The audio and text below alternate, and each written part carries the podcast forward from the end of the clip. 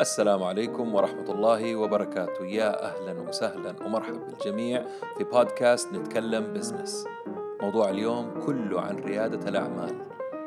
ريادة الأعمال الفرق بينها وبين التجارة آه، إيش اللي حاصل على الساحة المحلية الساحة العالمية مستقبل ريادة الأعمال. أفكار من داخل الميدان من وسط المعركة حقت ريادة الأعمال. إيش الجديد اللي حاصل في ريادة الأعمال؟ كيف الواحد يبدأ مشروعه؟ فين يروح للمساعدة؟ أشياء كثير رايحين نتناولها أنا وضيفي الأستاذ خالد سليماني مؤلف كتاب 84 نصيحة عملية للبدء بمشروع ريادي ناجح. قبل ما يكون آه، مؤلف للكتاب الأستاذ خالد صاحب خبرة كبيرة وطويلة وملهمة في نفس الوقت. درس الهندسة الكهربائية وتخصص في ال computer engineering. في فترة كان ال analog هو السائد في ذاك الوقت لكن بناء على نصيحة من خاله توجه لعالم ال digital اللي هو كانوا بيقولوا لهم هو هذا المستقبل. أثناء فترة دراسته في الجامعة هو وزميله كانوا يتسلوا على عمل البرامج. في نفس الفترة كان يبيع برامج لشركات معروفة في جدة في ذاك الوقت. والد الأستاذ خالد من الدكاترة والأكاديميين السعوديين الأوائل. وحب خالد يشق طريقه المختلف المبني على الهندسة والاستفادة من هذا العلم. توجه لأمريكا لتكملة الماجستير والدكتوراه. وعام 94 رجع لمدة سنة ليؤسس شركة بيس اللي هي شركته الأولى. وعاد لأمريكا واجتاز القبول لرسالة الدكتوراه.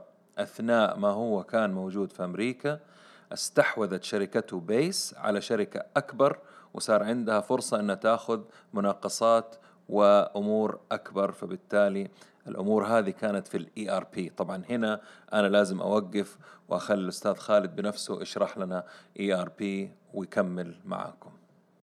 ERP هو enterprise resource planning أو برامج تخطيط الموارد.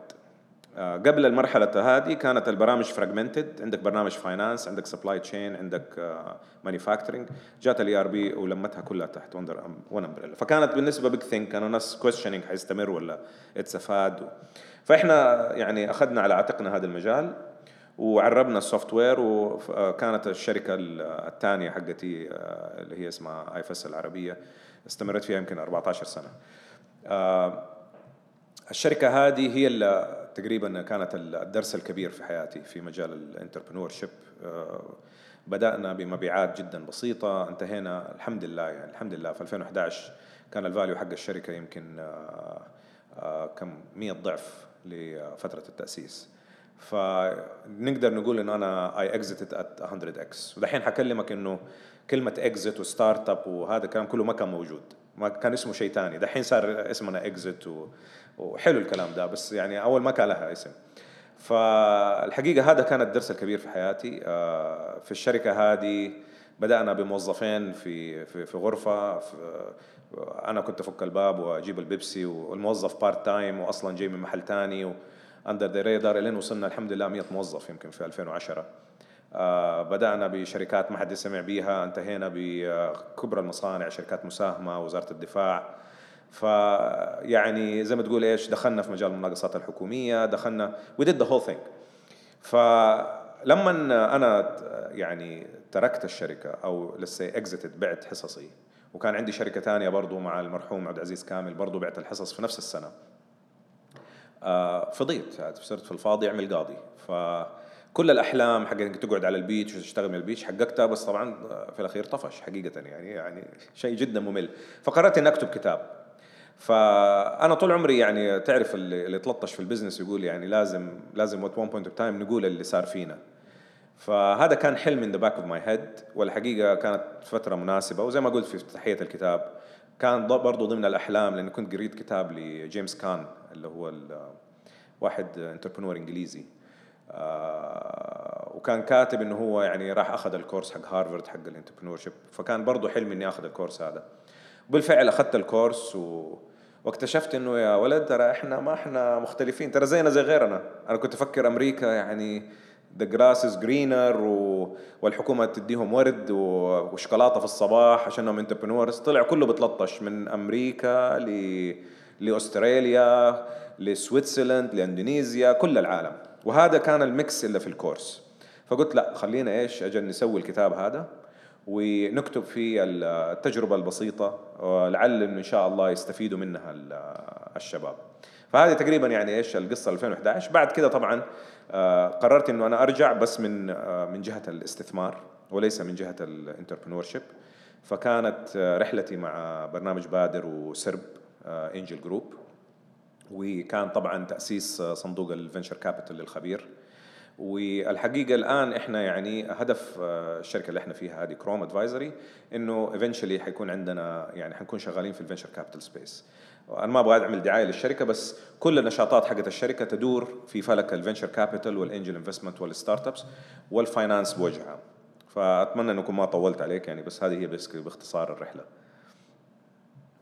ما شاء الله تبارك الله. طيب ندخل في الأسئلة خالد. أنا ما راح أسألك 84 سؤال أو 84 نقطة زي كتابك لكن حسألك تقريبا 21 سؤال إذا سمح لنا الوقت. أول سؤال عندي إيش هو الفرق بين محل برجر في عام 86 ومحل برجر عام 2018 في السعودية؟ إيش اختلف؟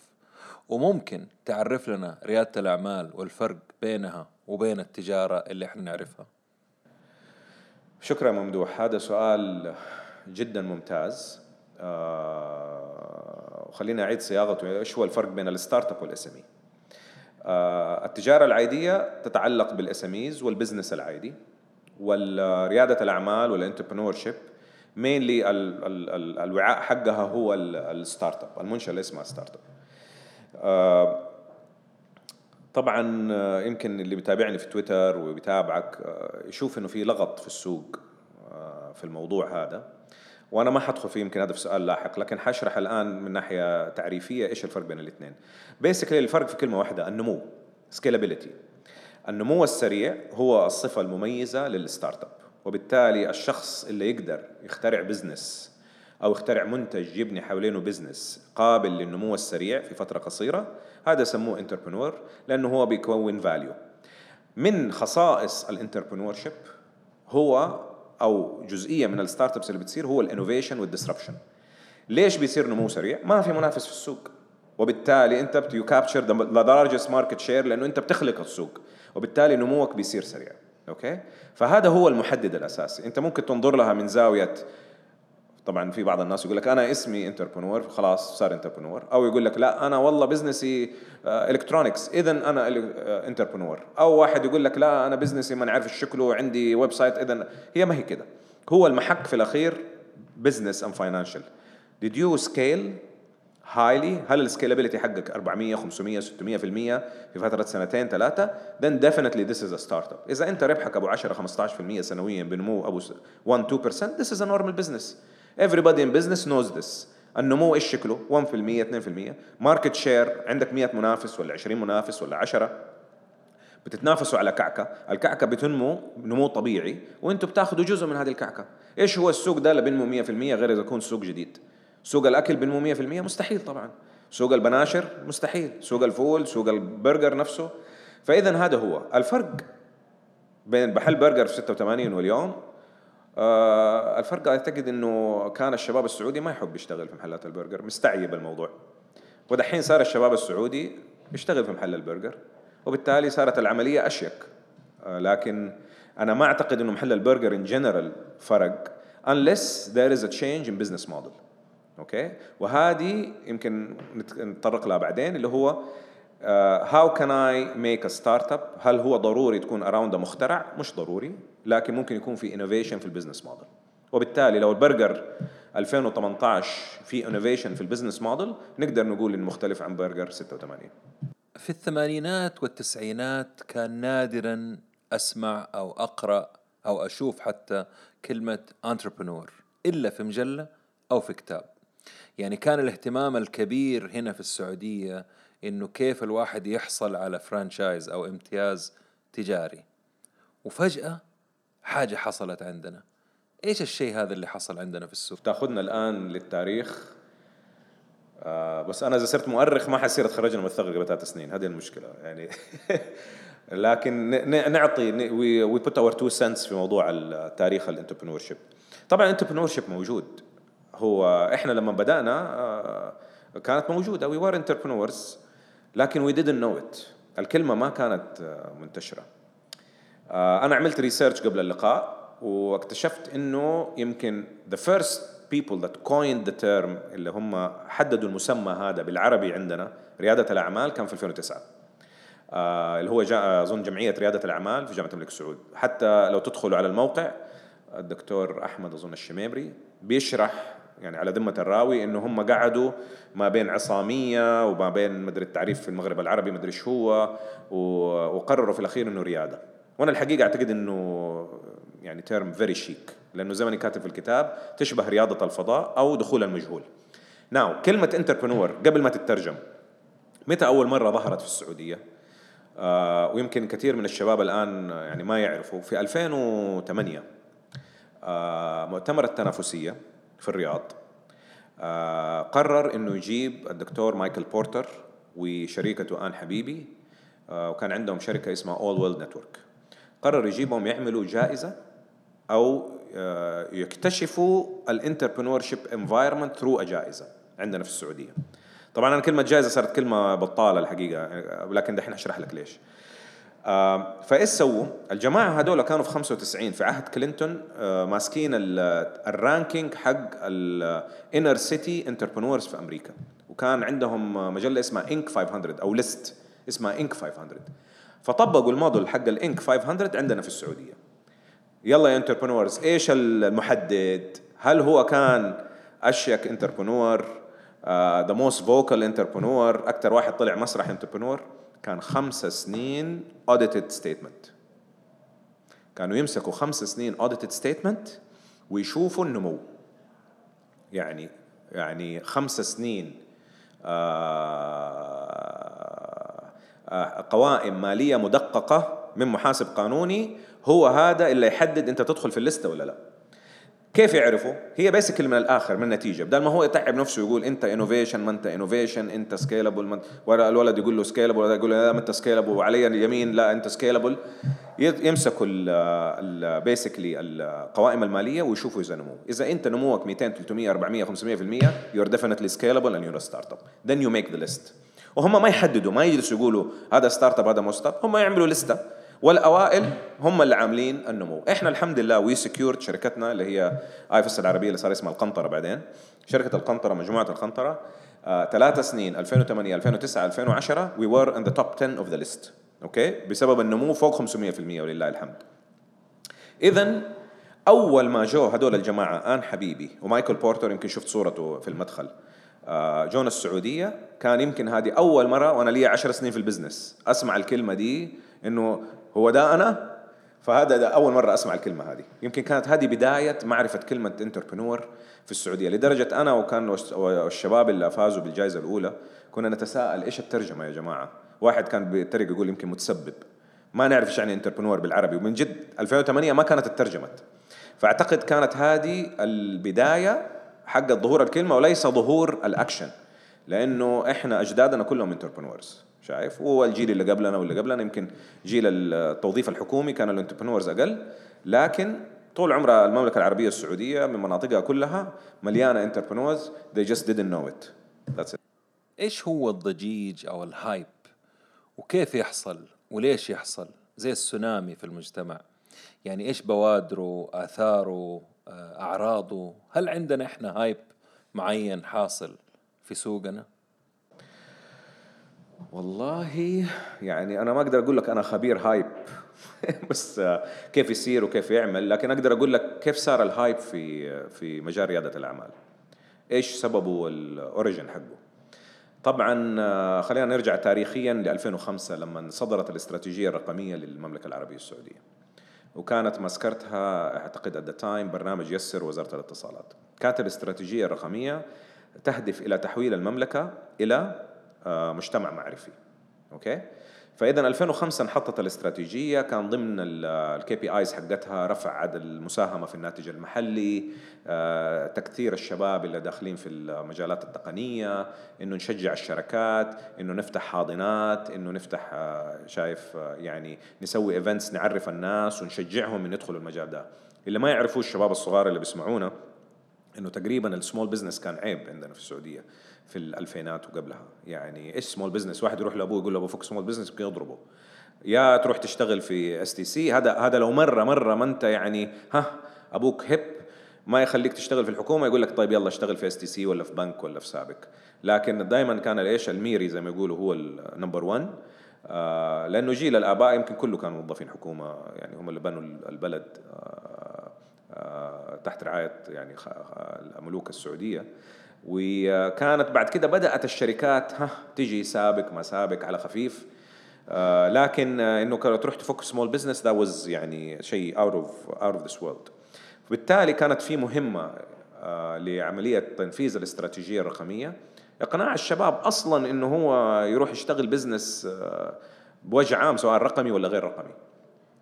في عام 2008 آه سلمت الاستراتيجية الرقمية لمدينة الملك عبد العزيز للعلوم والتكنولوجيا أوكي استراتيجية رقمية. مين ينفذها مدينة الملك. مدينة الملك عبد العزيز عملت برنامج لإنشاء الحاضنات وهذه واحدة من ال major KPIs حقت الاستراتيجية. عشان أنت تحتضن الشباب اللي بيعملوا مشاريع رقمية عشان بعد كده تحول ل business. وكانت هذه بداية برنامج بادر. برنامج بادر كان واحد من برامج مدينة الملك عبد العزيز للعلوم والتكنولوجيا لبناء ال ecosystem السعودي حق ال entrepreneurship بناء ال ecosystem يتطلب كان آه، آه، بناء يعني البيئة هذه للناس في السعودية بيئة ريادة الأعمال. يتطلب مجموعة من الأشياء منها الحاضنات منها التمويل منها طبعا ال events والجوائز التعريفية. أوكي؟ آه، مدينة الملك عبد العزيز أدت دور مرة ممتاز. حاضنة بادر يمكن قبل أسبوع أخذت أفضل حاضنة في العالم العربي وأنا الحقيقة أؤكد إنه هذه جائزة حقيقية لأنه بالفعل النواتج اللي خرجت من حاضنه بادر ممتازة. يعني عشرات من الشباب استفادوا من ال services حقت الحاضنة واللي ما يعرفوه الكثير إنه كريم اللي استحوذت عليه آه، آه، شو اسمهم دولة سوري شركة عنوان اللي استحوذت عليها كريم هي من خريجات حاضنات بادر. فعشرة في المية على الأقل من من كريم لها علاقة بحاضنة بادر بصورة مباشرة. آه، برنامج شبكة سرب للمستثمرين الأفراد أخذت على عاتقها تمويلها مدينة الملك عبد العزيز. آه لكن كمان سووا تعريف. إيش يعني entrepreneur إيش يعني رقمي؟ إيش يعني business رقمي؟ كيف كنا حنعرف لو ما كان صار التعريف؟ فبدأت عملية التعريف في ال events والناس طبعا عشان تقبل تعمل لهم جوائز. ومن هنا بدأت موضة الجوائز والايفنتات من عام 2007 إلى الآن أو قبل بشوية يعني الكل يبغى يكون رائد أعمال. تسميني رائد أعمال. أنا رائد أعمال أو أنا رائدة أعمال مش رجل أعمال أو سيدة أعمال. آه، ممكن توضح لنا السبب هذا؟ ليش حاصل الشيء ده؟ آه، نستكمل اللي قلناه في السؤال, اللي قبله. طبعا الهايب هذا آه، زي ما تقول أنت تبغى تغري الشخص ببضاعتك اللي هو أنت تبغاه يصير رائد أعمال. كانت في البداية رقمي رائد أعمال رقمي يعني. يعني عنده app عنده website عنده آه فلازم تزين البضاعة. فيبدو إنه إحنا زينا البضاعة زيادة عن اللزوم. فصار كله إيش؟ داخل. سواء هو يعرف يسوي app ما يعرف يسوي app فكله دخل في المجال. وفجأة طبعا أنت صار بدل ما يقول لأبوه أنا والله تاجر صغير ولا بفك دكان يقول له أنا رائد أعمال. شوف يا أبوي التلفزيون إيش يقول شوف. يعني صارت حملة الحقيقة ممتازة. طبعا مؤتمر شباب الأعمال ما كان موجود. مؤتمر شباب الأعمال كان to celebrate والاحتفال بالشباب اللي دخلوا في ال business فهنا أعتقد صار الخلل. يعني ال intention كان تعريف الناس وجذبهم لريادة الأعمال والنتيجة صار إنه صارت ريادة الأعمال نيشان بدل ما هي basically تجارة. آه فلدرجة إنه في ناس اليوم ديسبيوتنج إنه ريادة الأعمال ما هي ما هي تجارة. وهذا هذا شيء غريب أنا ألاقي يعني شيء غريب جدا. هل هذه موضة وراح تعدي ولا فورة؟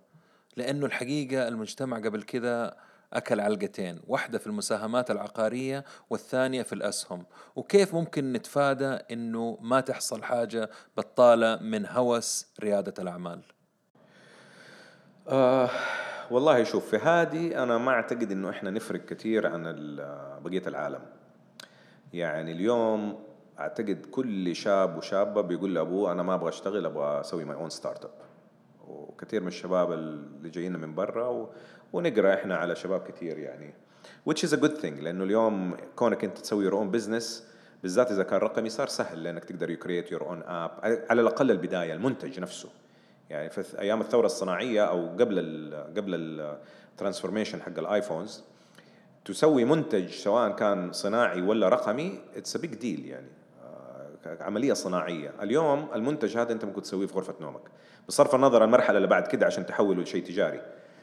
فأعتقد وكان بيل اولت آه، بيقول ديك المرة في في قابلناه في آه، مؤتمر ال MIT في في Cairo. كان بيقول it's the new cool thing everybody wants to be an entrepreneur now هذا startup فهذه ظاهرة صحية نوعا ما. إلا ما هو صحي إنه أنت تقنع الشباب إنه ريادة الأعمال هي مجرد إنك تطلع تقول أنا رائد أعمال. وخلاص كل شيء حيجيك من السماء. it's not true at the end of the day هو ما هو business هو business أصعب ما هو أسهل. لأنه ال business العادي يا جماعة الخير أنا أبغى أفك محل مثلا في whatever it مغسلة ولا هو البزنس للأسف الشديد ال examples من ال business الموجودة في السعودية. مغسلة محل فول مع محل بسكوليتات بنشر ما نعرف إيه. هذا ال small business عندنا الصغير اللي نقدر راس المال الصغير يقدر يسويه. بسيطة. أنت تدرس تشوف الشارع هذا إيش القوة الشرائية اللي فيه إيش ال catchment area حقتك هل الناس يقدروا they afford ولا لا كم محل بنشر آه، عندك في الشارع ده. can you capture market share you don't capture market share تحسب وتقول يلا أنا أقدر مثلا متوقع دخل المحل كده ولا تفك محطة بنزين تقول دخلها كده. هذا ال business قد مجرب. فمشكلتك الوحيدة ليس في معرفة إذا ال product عليه إقبال في just إنك أنت تاخذ market share من اللي حوالينك. يعني تاخذ جزء من الكيكة اللي هو already موجودة. في ريادة الأعمال الكيكة doesn't exist أنت you're creating the كيكه وممكن تخبص ممكن ما تزبط ممكن. فريادة الأعمال أصعب بمليون مرة من ال business العادي. ومع كده somehow ال hype هذا خلى الناس تعتقد إنه والله ريادة الأعمال أسهل. وبالتالي نلاحظ انه في ناس بناء على recommendation الله يسامح اللي كان السبب تركوا وظائفهم وتركوا آه، دراستهم باعتقاد إنه حيصير the next ستيف جوبز وهو أصلا ما عنده product فهذه أعتقد اللي هي ضرت الناس. أعتقد نحتاج مزيد من التوعية مزيد من التوعية عشان نحدد بالضبط إيش هي ريادة الأعمال. أحب أتأسف للمستمعين ولك يا أستاذ خالد على الأسئلة القاسية نوعا ما ولكن إحنا بحاجة لأجوبة لهذه الأسئلة. ليش الكل ركب فجأة قافلة ريادة الأعمال؟ أفراد بنوك شركات عائلية شركات وتلاحظ أنه البنوك ما بتدفع آه، مبالغ أو تسهيلات. وفي ناس كانوا على المسرح واختفوا. فص ملح وداب. والله يا أخوي ممدوح هذا فيلم تاني. آه طبعا آه يعني آه، انت عارف انه البنوك وغيرهم الشركات الكبرى عندها برامج CSR وعندها ميزانية لازم تصرفها. ولازم تبرز أمام الدولة إنها بتساهم في خدمة المجتمع. فطبعا هذول ناس smart آه، فكانت موضة الأسر المنتجة في الأول وبعدين دحين موضة جديدة اللي هي ريادة الأعمال. بالتالي أنت تحط الفلوس حقتك في شيء بارز عشان أنت تبرز يعني تخدم وتبرز حج وبيع سبح فأعتقد إنه شيء طبيعي ال hype اللي تكون حول ريادة الأعمال. يخلي البنوك تقول okay أنا بخدم فئة الشباب. إيش الشباب يبغوا؟ مجموعة executives قاعدين في غرفة في الدور ال 150 ها ما عندنا إحنا 150 برج المملكه 80 في الدور 79 آه يلا يا جماعة الخير خلينا نسوي لهم حاجة تخدمهم في الشيء اللي هم يحبوه سوي ريادة الأعمال. طبعا أنا حقيقة أعوذ بالله من كلمة أنا كنت مرة قعدت مع أحد هذه البنوك اللي هي عندها مبلغ تبغى تصرفه. وقالوا لي كيف نسوي؟ والحقيقة كان الاتجاه إنه يسووا جائزة. يا جماعة الخير كفاية جوائز. الله يستر والدينكم. أدوا الشباب المبلغ يحطوا في شركة. يسوي business أدوا له seed fund أخدموه. طبعا البنك ليش ما يبغى يعني هذاك البنك خلينا نقول بقية البنوك طيبة وحبوبة. ليش البنك ما يبغى يحطها في seed لأنه ال impact بالنسبة له قليل. رغم إنه ال impact على الشاب هذا أكبر وعلى ال economy أفضل هو يبغى يحط جائزه على أساس هلولة وما إيه ويلا و100 واحد ويقدر إيش يطبل أكثر بينما طبعا doing the real thing صعب ممكن ما تنجح ممكن تنجح ما نعرف إيه. فأعتقد إنه just لو اليوم بكرة صار في new thing مجتمعي آه، حتركب فوق البنوك وحتسوي CSR program هل صحيحة مقارنة آه، وادي سيليكون أو السيليكون فالي بالأودية السعودية الموجودة اللي عندنا؟ والله أتمنى إنه أكيد القائمين عليها اتمنوا في يوم من الأيام إنها تكون الأودية هذه شبيهة بوادي السيليكون لكن آه، أنا يعني I'd like to quote الاستاذ آه، جمال العقاد إنه قال آه، ليش أنتم تبغوا تعيدوا وادي السيليكون إذا وادي السيليكون مو قادر يعيد نفسه مش بالضرورة إحنا نقلد وادي السيليكون لأن وادي السيليكون نشأ في بيئة معينة في ظروف معينة لن تتكرر في أقوى دولة في العالم وفلوس وزارة الدفاع وشيء زي كده. يمكن هذه كانت البداية. في أشياء من الوادي السيليكون ممكن نأخذها وفي أشياء من أماكن ثانية في أوروبا أقرب للكلتشر حقنا ممكن نأخذ منها ومش بالضرورة تكون أودية. طبعا كلمة وادي جاية إنه أنت بتأخذ مكان جميل يعني في فاليز تك فاليز ثانية كثير في أمريكا وفي أوروبا. بياخذوا غالبا وادي حقيقي أخضر وفي زرع وموية وكذا بهدف إنه يستقطبوا الخبرات. يعني مثلا أنت تبي تجيب منتر متقاعد خبرته عريضة تقوم تدي له مكان حلو يسكن فيه وتدي لأولاده مدارس وزي كده ويجي. فأنت هذه هي البيئة اللي بتكون البادية عشان تستقطب ناس جدد ينقلوا عندك. غالبا بتكون على أطراف المدن آه، قريبة من مطارات قريبة من resort. فقوم بيجي أول شيء ال entrepreneur ما يحلم إنه يسكن في مكان زي ده فمرة يجي ويتفرغ للعلم ولشغلته هذه ولا في الحاضنة وياخذ راتب قليل لكنه مبسوط لأنه بيشغال على ال startup حقه.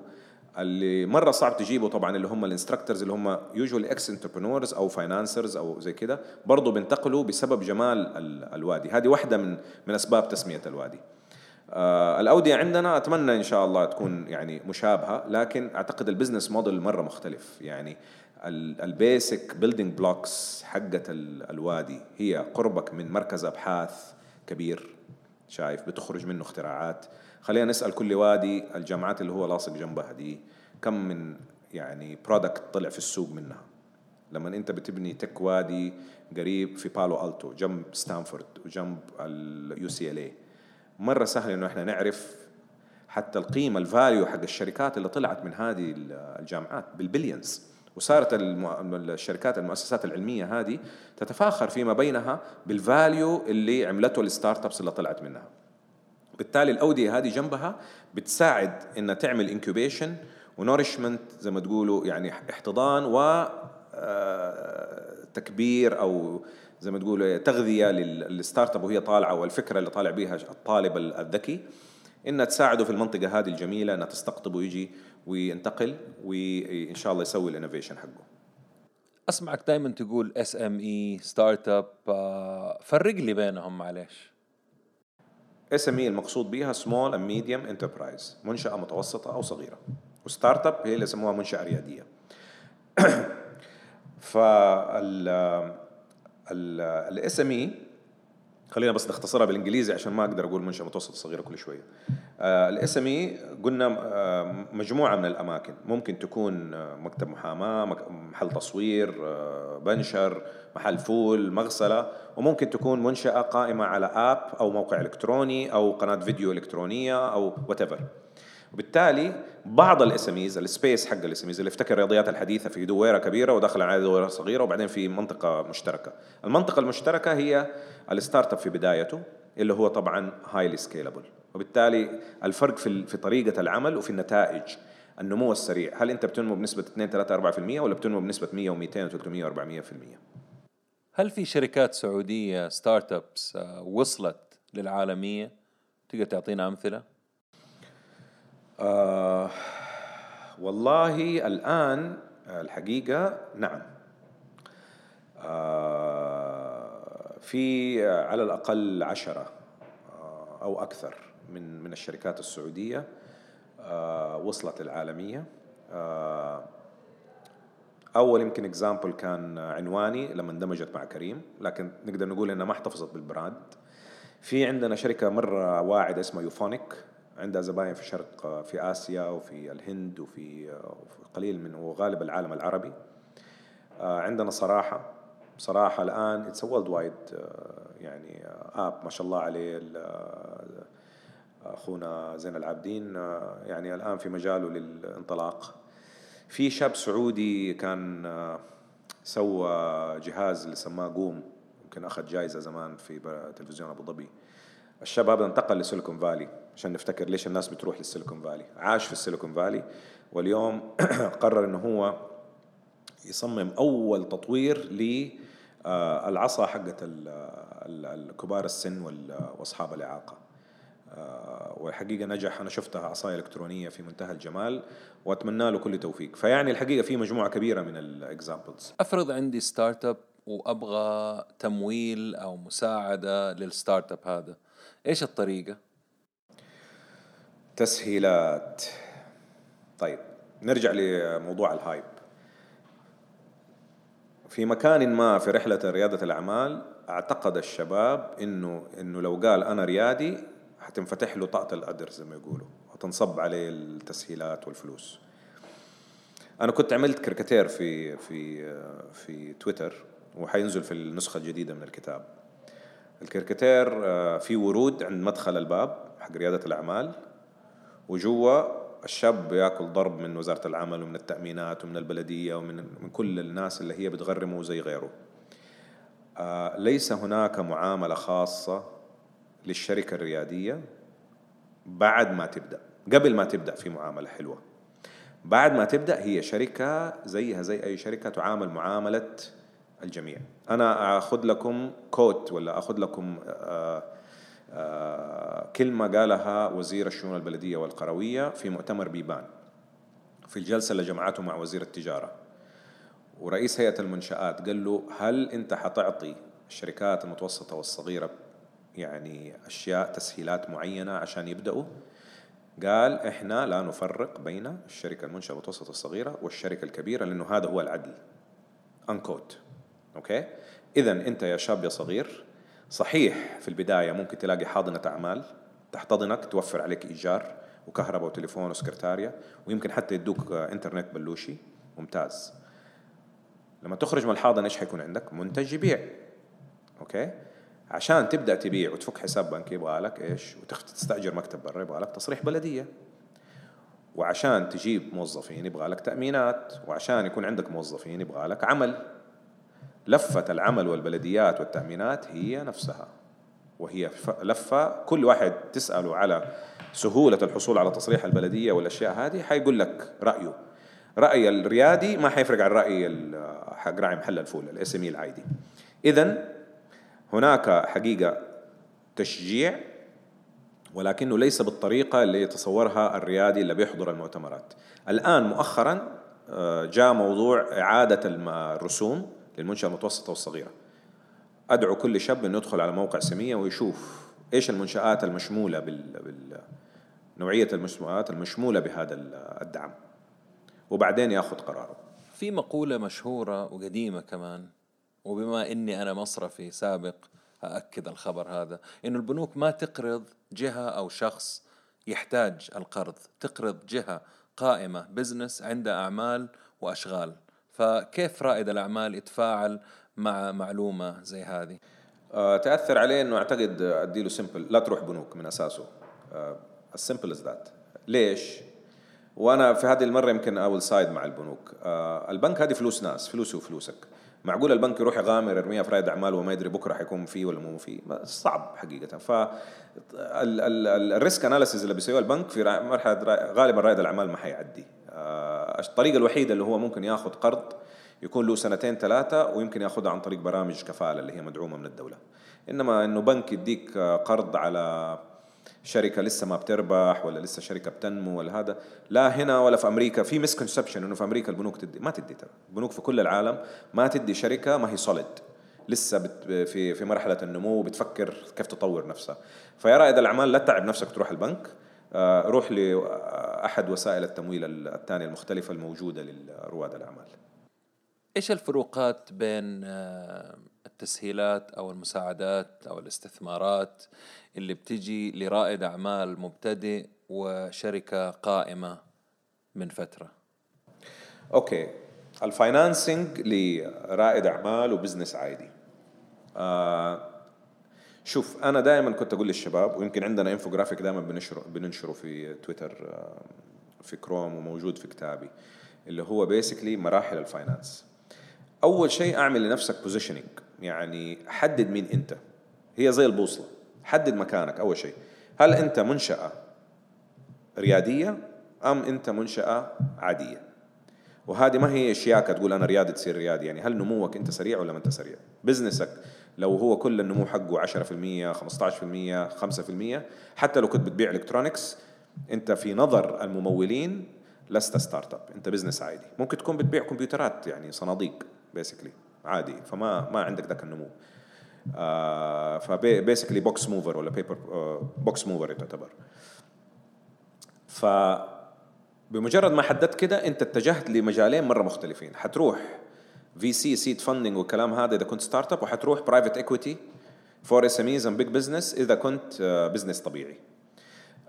ال startup once إنك أنت حددت startup بس تحدد المرحلة. هل أنت pre-seed هل انت seed هل انت late seed هل انت series A B C D طبعا ال seed وهو الاستثمار الأولي بمراحله الثلاثة. أول شيء المبلغ بسيط لأسباب معروفة طبعا. ال risk عالي جدا لأنه نسبة الفشل 99% فهو بيديك 50000 100000 يمكن 500000 maximum في في مرحلة الاستثمار الأولي النهائي. في المرحلة الأولية أنت بتكون عبارة عن فكرة. أوكي؟ وتبغى واحد يديك فلوس عشان تنفذ الفكرة تسوي ال website حقك ولا تسوي ال app. إيش احتماليات نجاحك يعني؟ 1 to 1000 ولا 1 to 100 وبالتالي حديك مبلغ بسيط يقول لك يلا 50000 يلا وريني. يمكن تزبط معك. هذا ال seed funding الاولي هذا نادر إنك تلاقيه في ال private sector غالبا بيكون public آه، أعتقد وادي مكة عنده seed وكيك كاوست. آه، وبادر تعتبر seed في الاحتضان حقها. يعني أنا اذا وفرت عليك وفرت لك مصاريف أعتبر كان اديتك فلوس.